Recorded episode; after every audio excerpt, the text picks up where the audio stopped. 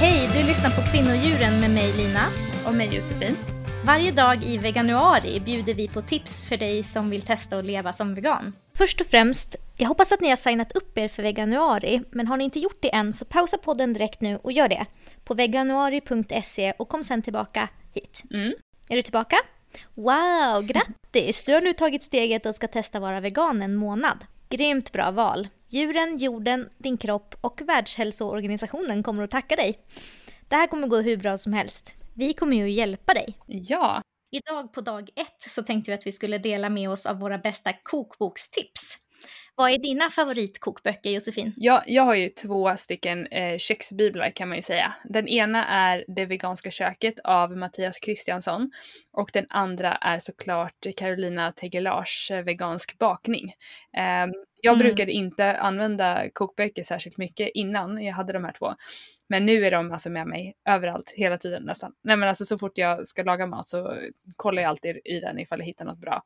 Eh, och eh, när det gäller bakning så dyker jag rakt ner i Carolinas bok. Eh, så det är de enda två kokböcker jag har kvar faktiskt. Jag har gett bort de andra för jag kollade aldrig i de andra.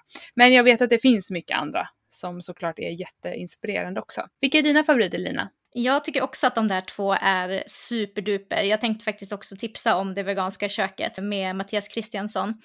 Mm. Den är en av mina favoriter. Den är toppen både om man är helt ny på veganism och eh, även liksom om man har lagat jättemycket. Mm. Eh, den har ju alla möjliga basgrejer du kan tänka dig om du inte vet hur man gör veganska pannkakor eller allting du kan tänka dig som du kan utgå ifrån när du ska laga mat. Sen gillar jag också vegansk husmanskost av Gustav Johansson, alltså jävligt gott. Eh, om man gillar husmanskost och riktigt liksom vanlig svensk mat så är den väldigt bra. Också som en sån grundbok. Mm, precis. Men sen vill jag också tipsa om, eh, vi pratade om i ett tidigare avsnitt, eh, Selina Hami och hennes 10 veckor vegan. Nu har hon släppt en ny e-bok som heter Selinas veganuari 2021. Det är också en gratis e-bok med eh, matsedel för hela veganuari. Och där har vi Mm. jättemycket spännande recept om man inte vill ha liksom basic och husmanskost och sådär. Så är hennes jätte, jättespännande och jättegoda recept. Det måste jag kika in. Mm. Ja, och, och som en sista grej så vill jag också såklart tipsa om eh, Borsbröderna. Det är två stycken, de är britter va tror jag, Mm.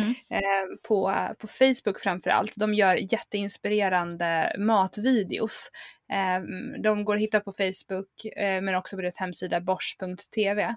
Och så har de också släppt några kokböcker. Mm. Eh, och det är bara alltså, de gör helgalna recept och jättevanliga recept.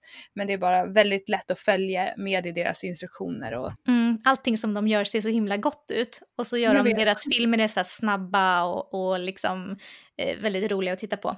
Mm, Och apropå recept så tänkte vi att i de här små avsnitten som vi nu ska släppa varje dag så ska vi dela med oss av ett recept per dag. mm. Och då har jag valt ett recept idag eftersom att det är första dagen av veganuari och ni är liksom i startskottet. Ni kanske känner herregud hur ska jag göra det här?